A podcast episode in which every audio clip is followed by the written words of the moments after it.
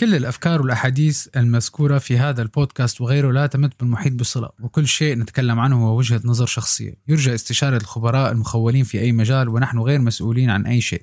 اقتضى التنويه. مساء الخير. إن شاء الله كل عام وأنتم بخير وإن شاء الله رمضان ينعاد على الجميع بالصحة والعافية وراحة البال. خلينا اليوم نبدأ بقصة عن شخص يعتبر المثال الافضل لعنوان حلقة اليوم. مين منا ما بيعرف أبراهام لينكولن؟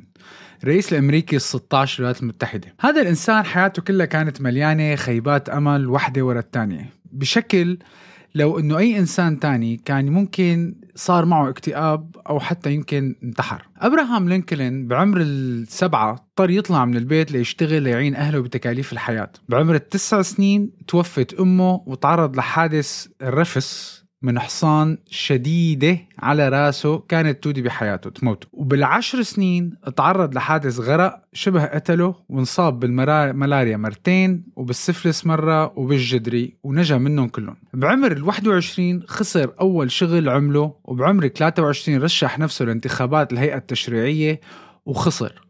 وتم رفض طلبه للدراسة بكلية الحقوق. أما بعمر ال 24 بدأ بمشروع جديد بمصاري الديانة من العيلة والأصدقاء وفشل فشل ذريع. بعمر ال 26 خسر خطيبته يلي ماتت وبعمر ال 27 ماتت أخته أثناء الولادة. وبعدها عانى من الاكتئاب ولازم التخت لمدة ست شهور. بعدها بسن ال 27 خسر خسارة جديدة بمناظرة كلامية بالهيئة التشريعية.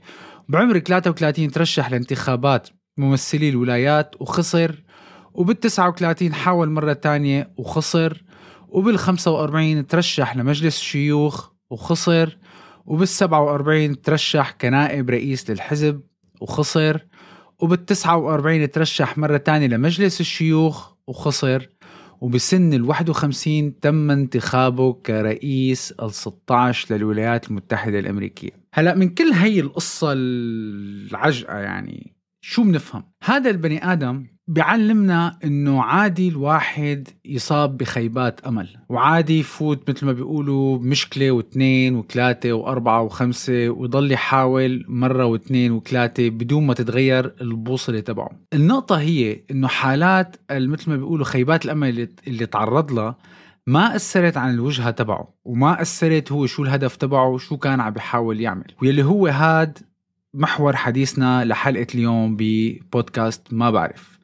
فيلا اسمعونا وحضروا مثل ما بيقولوا هلا بعد الأفطار. الحلقة طلعت حضروا فنجان الشاي والقهوة تبعكم أو أي مشروب بدكم إياه بتحبوه. وخلينا نحكي عن المعادلة الجديدة من معادلات الحياة من الكتاب من Emotional Equations of Life. ألا وهي disappointment هو خيبة الأمل تساوي التوقعات ناقص الحقيقة. راجعين. دخلك بتعرف ما بعرف. ما بعرف. نام تبلش. ما بعرف. ما بعرف. طيب اسمع. بركي بتعرف.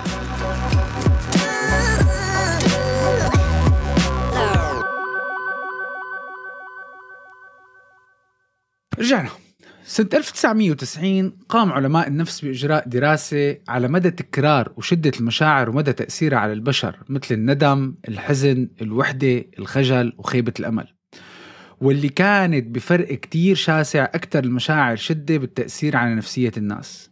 وبيصل شعور خيبة الأمل بأعلى مراحله بمنتصف الحياة لما كل شيء آه مثل ما بيقولوا حلمناه إنه بدنا نحققه ما بيساوي شو حققنا بالحقيقة. وبتبدأ هون مرحلة المقارنة بين الحلم والواقع مما يسبب حالة يعني من خيبة الأمل وعدم الرضا يلي أيام ممكن تصل لمدى كتير شديد اللي هو مثل ما إحنا بنسميه ال midlife crisis وفجأة بتلاقي الواحد بسن ال 40 ولا بسن ال 50 بفيق على حاله ولا وبدي أعمل هيك وبدي أعمل هيك وبدي أعمل هيك وأنا ما صار هيك هذا كلياته ليش, ليش بصير؟ هذا بصير كلياته لأنه بتكون الواقع اللي حاطه الواحد براسه إنه هذا هذا اللي أنا بدي أعمله هذا اللي هو اللي كان عم بيحلم فيه بيجي بقارنه مع الواقع بلاقيهم الصورة ما عم تطبق على بعضها. وبيلاقي حاله إنه هو صار بنص الحياة بيصير في مثل نوع من البانيك أو بيصير اللي بيسموه الفومو اللي هو fear of missing out. وبصير بس بده يلحق شو بده يعمل. وهذا على فكرة إذا ما بيتعالج أو الواحد ما بينتبه عليه أو ينتبه إنه ما يقع بهذا الفخ ممكن يؤدي إلى حالات اكتئاب مزمنة وشديدة. وهي الحالة مثل ما حكيت كل شخص ممكن يتعرض لها وما لها غير حل وحيد إنه لازم دايما نصل إلى حالة من السلام والتقبل لتوقعاتنا وارتباطها وإسقاطاتها على الحقيقة اللي هو اللي نحن عايشين فيه. هلأ بالمبدأ توقعات حلوة لأنه ممكن ترسم لنا مثل نوع من الطريق وبتخلي وبتخلق هذا الدافع للمثابرة على ممارسة شيء ما. بس أحيانا بنصاب بخيبة الأمل لما النتائج بتجي مخالفه للتوقعات وعادة آه وعادة بتبدأ بنوع من الانزعاج أول شيء لما بنكون حاسين حالنا إنه ممكن نتحكم بالنتيجة نوعا ما. حتى القصة تنتهي وهون الانزعاج بيقلب لخيبة أمل وبيجي معها شعور بالخسارة. شو يعني؟ يعني مثلا أنت عملت امتحان آه، أول امتحان رسبت فيه صار معك مثل نوع آه، مثل هيك انزعاج. انزعجت من نتيجة الامتحان تبعك ولكن الفصل لسه ما خلص. الامتحانات ما خلصت عندك لسه امتحان تاني المادة أنت لسه ما رسبت فيها. فبصير معك نوع من الانزعاج انه أنا لازم ظبط وضعي. ولكن أنت بتحاول تشتغل على حالك بتحاول تدرس بتحاول تغير الواقع تبعك. هون لساتنا نحن بالموضوع هيلثي هلا إذا قدرت أنت تتدارك الموضوع وتتدارك الحالة وحسنت علاماتك ونجحت ممتاز. لأنك أنت حطيت براسك توقعات إني أنا بدي أنجح. وبعدين آه، درست واشتغلت على حالك ونجحت.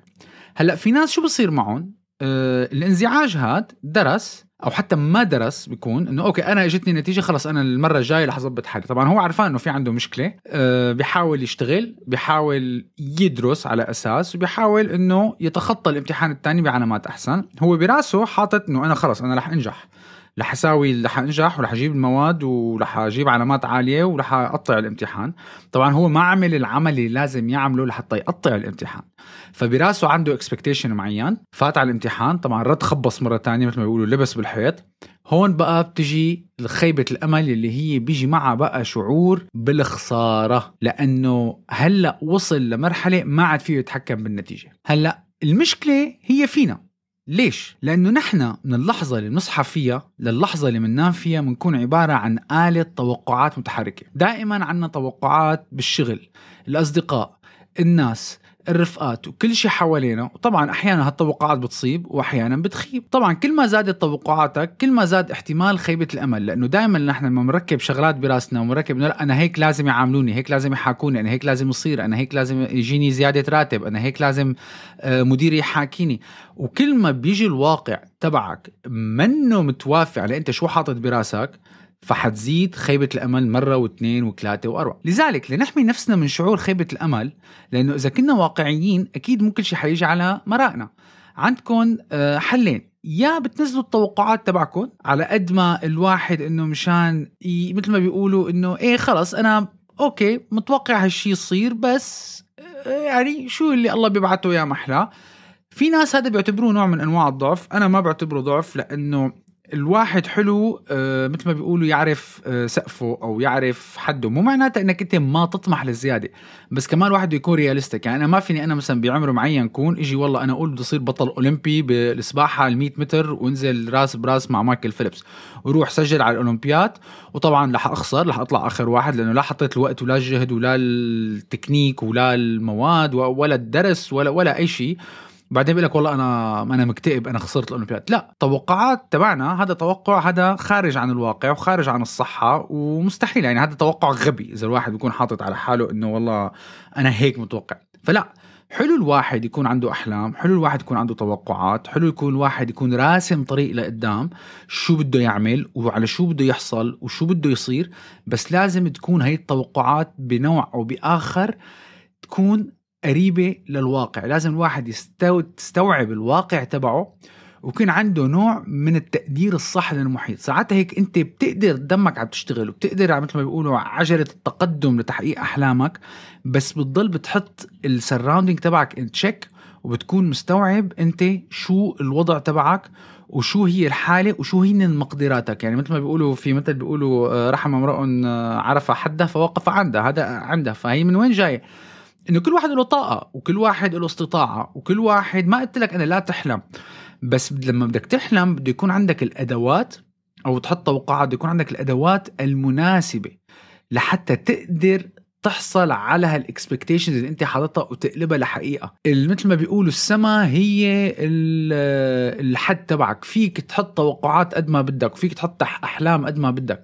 بس إذا ما كنت مجهز حالك بالأسلحة والأدوات والمعلومات والمقدرات والعلم ومثل ما بيقولوا ال focus وطريقة التفكير والعادات يلي بتخليك تحصل على هالأهداف هي وتقلب هال expectations تبعونك هالتوقعات تبعونك لحقيقة مانك حتصل يعني هي ما بيختلف عليها اثنين بس في عندنا مشكلة صغيرة وهي طبعا تختلف من شخص لشخص. ألا وهي إنه نحن وين لازم نحط النقطة الفاصلة لخيبة الأمل تبعنا؟ لأنه في ناس مثلا ال expectations تبعونهم أو التوقعات تبعونهم هي بتكون الدافع المحرك لخلق الإنجازات. وأكبر مثال أنا كثير بحكيه بأكثر من حلقة حكيته هو مثال الميداليات بالأولمبياد والسباقات واللي هي تبع الميدالية البرونزية الفضية الذهبية. أو ما يسمى المقارنة إلى الأعلى أو المقارنة إلى الأسفل يلي هي بالإنجليزي ال upward comparison وال downward comparison لأنه هي التوقعات كتير بتأثر على سعادتنا. بالملخص شو هو موضوع موضوع الميداليات؟ العالم لما بيفوزوا مسابقة ما بالأولمبياد أو بالرياضة. في عندك اللي فاز بالميدالية الذهبية في عندك اللي فاز بالميدالية الفضية وفي عندك اللي فاز بالميدالية البرونزية. اكتشفوا أنه دائما دائما دائما يلي بفوز بالميدالية الفضية هو أتعس واحد. ليش؟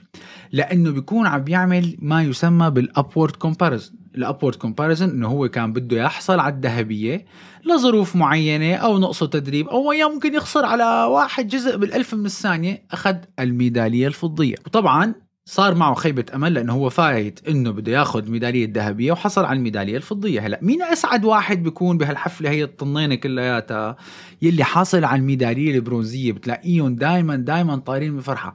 ليش؟ لأنه يلي فايت ب mood إنه ياخذ ذهبية. طلع له برونزية صعبة شوي. ممكن انك إيه okay كلياتنا نحن بنفوت على مسابقة معينة ونحن بدنا نربح. بس بتكون بشكل أو بخ... بآخر إنه أخي أنا I want to make it to the top 3 هلأ طلعت أول ثاني ثالث great فالذهبية شوي بعيدة بس هو بيكون خايف على حاله ما يطلع له شيء منوب.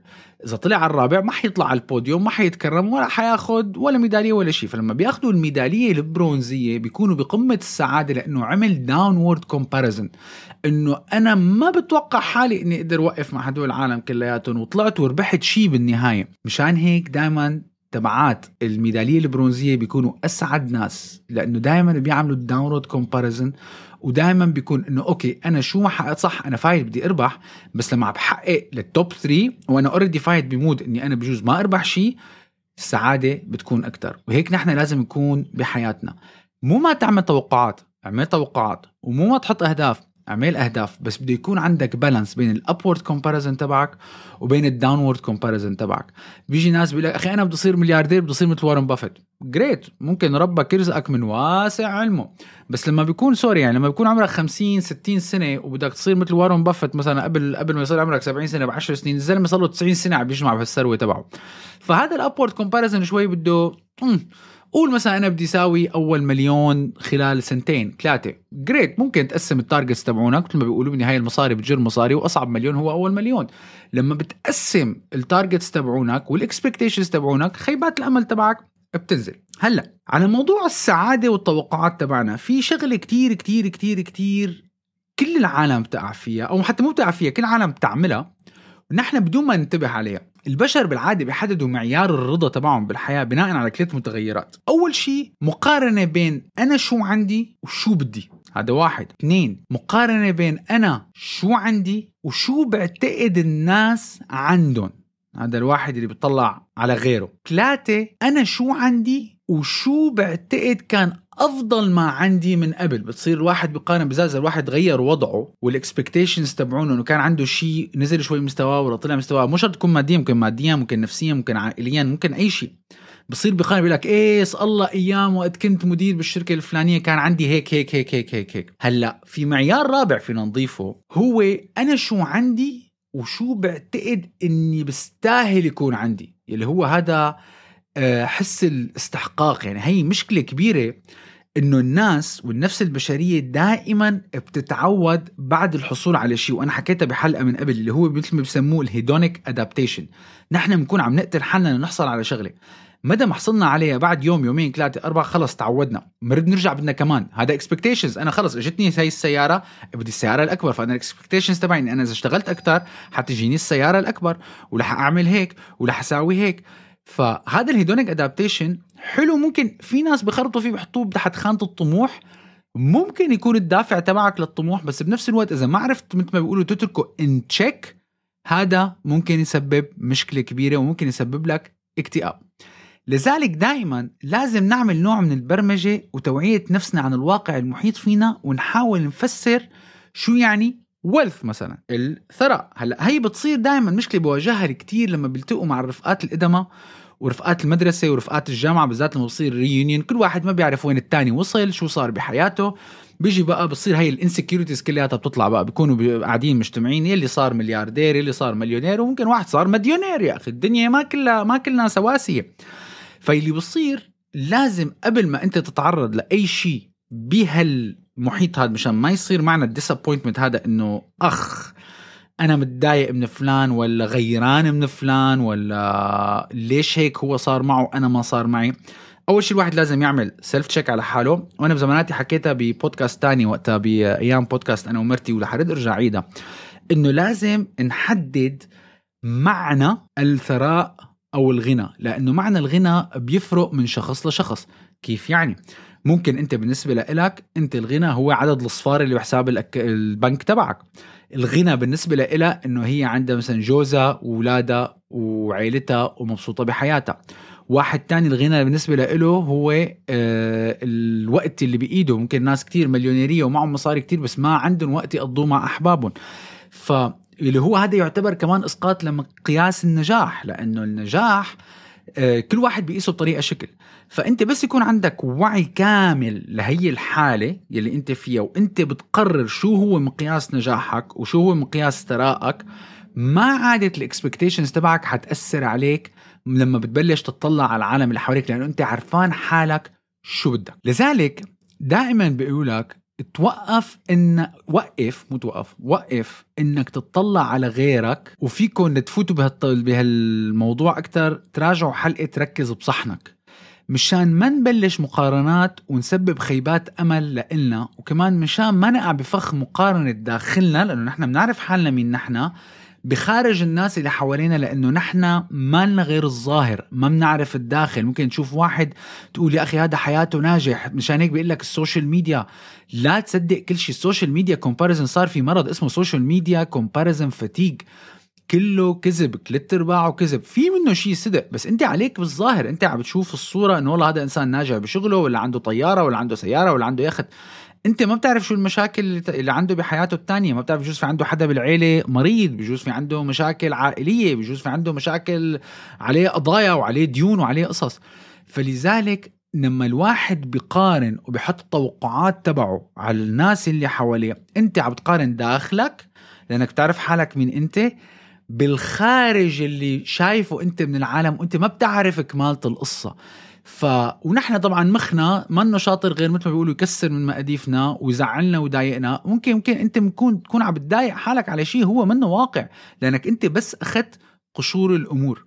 هي نقطة كمان كتير مهمة لازم الواحد ينتبه لها. هو عم بيتعامل مع الناس اللي حواليه وما يقع بهذا فخ المقارنة اللي ممكن يسبب له كل هالمشاكل وكل هالمتاعب. وفي نقطة جدا مهمة إنه نحن أحيانا لازم نكبح أو نحدد توقعاتنا. ليش؟ على قد ما لازم نخفف من شعورنا بواجب الاستحقاق إنه أنا لازم هيك يصير معي لأنه بحق لي. هذا الشعور هو اللي بيترك طعم كتير مر لما الأمور ما بتمشي مثل ما بدنا وما بصير نحن كنا حاطينه ببالنا.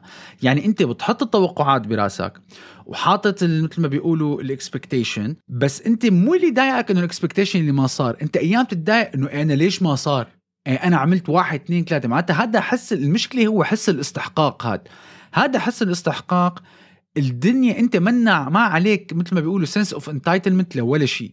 شو بتشتغل وشو الله بيبعته؟ يا محلى والظروف بتتغير. التغيير بطريقة تفكيرنا بتصير بس لما بنرضى بالواقع وبنتعايش معه. هون بتيجي بقى حالة السلام الداخلي. بتصير وممكن حتى تعطيكنا دافع أكبر لأنه بصير في نوع من الهدوء الفكري والواحد بقى بيركز وبيفكر لأنه نحن بنكون متقبلين كل شيء عم بيصير حوالينا. ومنغير قواعد اللعبة بناء على الظروف تبع هاي اللحظة. مشان هيك نحن ذكرنا قصة أبراهام لينكولن. الزلمة صار معه خمسين ألف فيلم وطابوسة بحياته كلياتها. بس تمه مستمر تمه مستمر ضل عم بيغير قواعد اللعبة على حسب المتغيرات صح؟ عنده expectations وصح اكتئب وصح قعد ورد رجع مثل ما بيقولوا عمل استراحة محارب وكمل وحارب ورد اشتغل وحاول يريد يترشح وضل عم يحاول من نقطة لنقطة لنقطة بس هو ضل عم يغير قواعد اللعبة تبعه على حسب الظروف. عنده توقعات للهدف النهائي بس توقعات الآنية عم تتغير على حسب معطيات الحالة وعلى حسب المعطيات اللي عم بتصير معه وعم يغير وضعه وعم يغير طريقة تفكيره وعم يغير من مهاراته لحتى يقدر يتناسب بشو يلي عم بصير معه. مشان هيك بالملخص تعريف خيبة الأمل هو نتيجة طبيعية لتوقعات غير طبيعية أو بعيدة عن الواقع. يعني كتير منا حفظنا مقولة إنه لازم دائما نطلع على نص الكأس المليان. مو الفاضي ولازم الواحد يتفائل إنه يا أخي خلص طلع على نص الكاس المليان ولا تتشائم واقتنع باللي عندك. طب أنا شو رأيكم؟ هغير لكم إياها بطريقة هيك كتير صغيرة. وشوفوا كيف بتفرق معكم وبلشوا طبقوها على كل مجريات الأمور اللي بتصير معكم. شو رأيكم؟ اشكروا ربكم وانبسطوا إنه معكم كأسة. كل واحد يعبيها مثل ما بده ويعبيها على قد قدرته. طول ما معك كاسة انت بألف خير. إذا فكرتوا فيها بهالطريقة كتير في كتير توقعات بتتغير وفي كتير معطيات أمور حواليكم بتتغير. هاي كانت حلقة بودكاست ما بعرف لليوم. شكرا كتير للمتابعة. لا تنسونا بال share وال like وال subscribe. بحب ذكركم نحن على الإنستغرام وعلى كل منصات البودكاست. ما بعرف بودكاست وعلى اليوتيوب إذا بدكم صوت وصورة مثل ما بيقولوا. بنشوفكم تسمعونا بالحلقة القادمة. وكل عام وأنتم بخير مرة تانية. وبأمان الله.